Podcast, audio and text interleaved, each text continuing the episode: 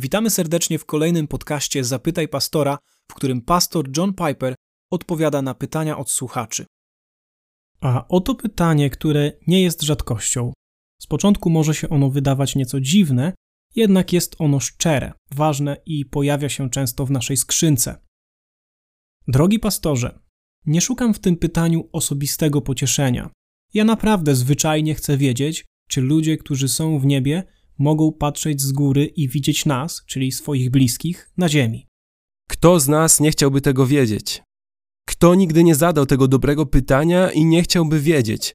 Szczególnie ci z nas, którzy stracili swoich bliskich i myślą o tym z osobistego punktu widzenia, jak i ci, którzy zastanawiają się, czy Jonathan Edwards albo apostoł Paweł patrzą z góry. Pozwólcie, że powiem pięć rzeczy w odpowiedzi na to pytanie. Ostatecznie myślę, że odpowiedzią jest to, że nie wiemy na pewno. Przynajmniej nie wiemy, w jakim stopniu jest im dozwolone widzieć i wiedzieć, co się dzieje na Ziemi. Jest przynajmniej jeden fragment w Biblii, który jest interpretowany przez niektórych w taki sposób, jakoby było w miarę oczywiste, że ci, którzy są w niebie, wiedzą, co się dzieje. Przejdę do tego za moment, ale nie postawiłbym swojego życia na takie stanowisko w tej sprawie, ponieważ nie wiem tego na pewno. Ale za chwilę powiem, co ja o tym myślę.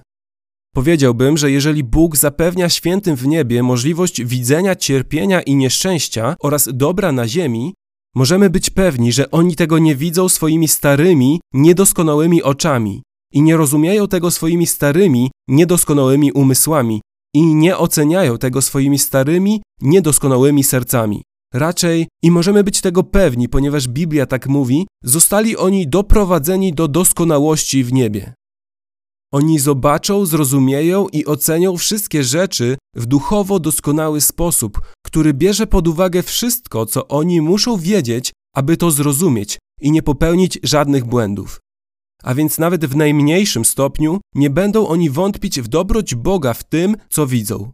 To może być tak samo ważne, jak jakakolwiek pewność, czy mogą oni nas widzieć. Jest jeden fragment, który może to sugerować. Myślę, że prawdopodobnie to sugeruje, że Bóg pozwala świętym w niebie, aby byli świadkami wyścigu, który biegniemy na ziemi. Hebrajczyków 12:1 mówi: Z tego powodu my, otoczeni tak wielką rzeszą świętych, odrzućmy wszelkie przeszkody oraz krępujący nas grzech i biegnijmy wytrwale w wyznaczonym nam wyścigu.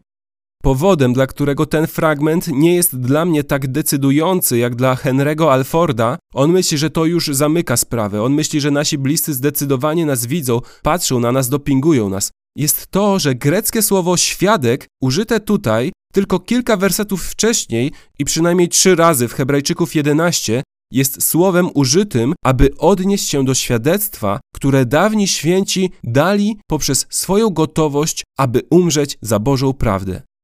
A więc możliwe jest, że Hebrajczyków 12:1, otoczeni tak wielką rzeszą świadków, po prostu oznacza, że wszystkim świętym w przeszłości, kiedy oni zmarli, udało się złożyć świadectwo ich wiary i przechodząc przez cierpienie, znaleźć się w niebie, więc ty też możesz tego dokonać, a nie, że oni ciebie obserwują.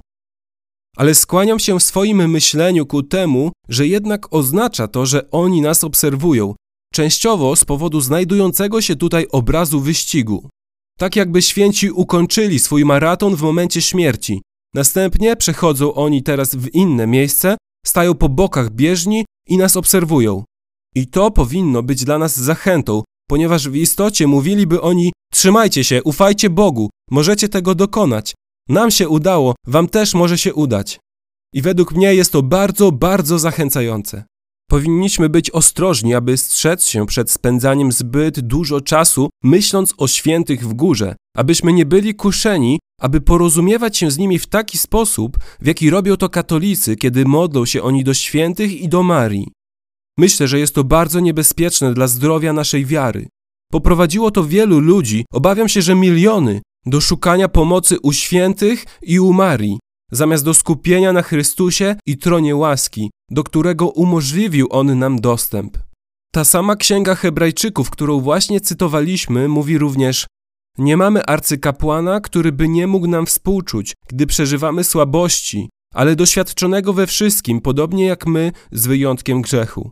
Zbliżajmy się zatem odważnie z powodu Chrystusa i ufnie do tronu łaski. Nie do Marii, nie do świętych, abyśmy dostąpili miłosierdzia i znaleźli łaskę zapewniającą pomoc w stosownej porze. Chrystus jest jedynym pośrednikiem pomiędzy Bogiem i człowiekiem. Nowy Testament nie zachęca nas, żebyśmy uczynili ze świętych lub Marii pośredników, kiedy szukamy Bożej pomocy. Ostatnia rzecz, którą chciałbym powiedzieć, to ostrzeżenie przed sentymentalizmem. Wiesz, wydaje mi się, że kiedy ogląda się filmy albo telewizję, wcześniej czy później każdy odcinek, w którym ktoś umiera, zawiera jakieś sentymentalne, tkliwe zdanie.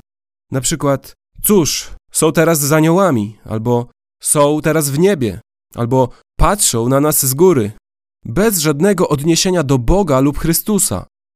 My również jesteśmy kuszeni, aby mieć nadzieję, że ci, którzy według naszej wiedzy nie wykazują się żadną wiarą albo małą wiarą, mogą być zbawieni.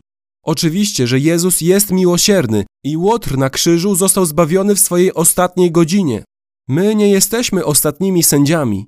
Może Bóg przemienił czyjeś serce tuż przed ich śmiercią. My nie dokonujemy tego rodzaju sądów, ale Jezus nas ostrzega. W tym dniu wielu mi powie: Panie, panie, przecież prorokowaliśmy w Twoim imieniu. W Twoim imieniu wypędzaliśmy demony i w Twoim imieniu dokonywaliśmy wielu cudów. Wówczas im oświadczę: Nigdy Was nie poznałem. Odejdźcie ode mnie, wy wszyscy, którzy dopuszczacie się bezprawia. To ostrzeżenie jest nie tylko dla nas, abyśmy się nie zwodzili, myśląc, że podążamy za Chrystusem, kiedy tego nie robimy. To jest także ostrzeżenie, abyśmy nie byli sentymentalni, jak gdyby każdy, kto umarł i był dobrą osobą, znalazł się w niebie. Konkluzja jest taka, że powinniśmy się skupić na wspaniałych, centralnych rzeczywistościach Nowego Testamentu, które są solidne, całkowicie pewne i pełne nadziei dla wszystkich, którzy ufają Chrystusowi.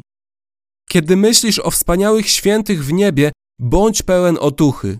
Jeżeli oni w ogóle cię widzą, to dopingują ci, abyś wytrwał w każdej trudności, zachęcając cię, byś skupił się na Chrystusie.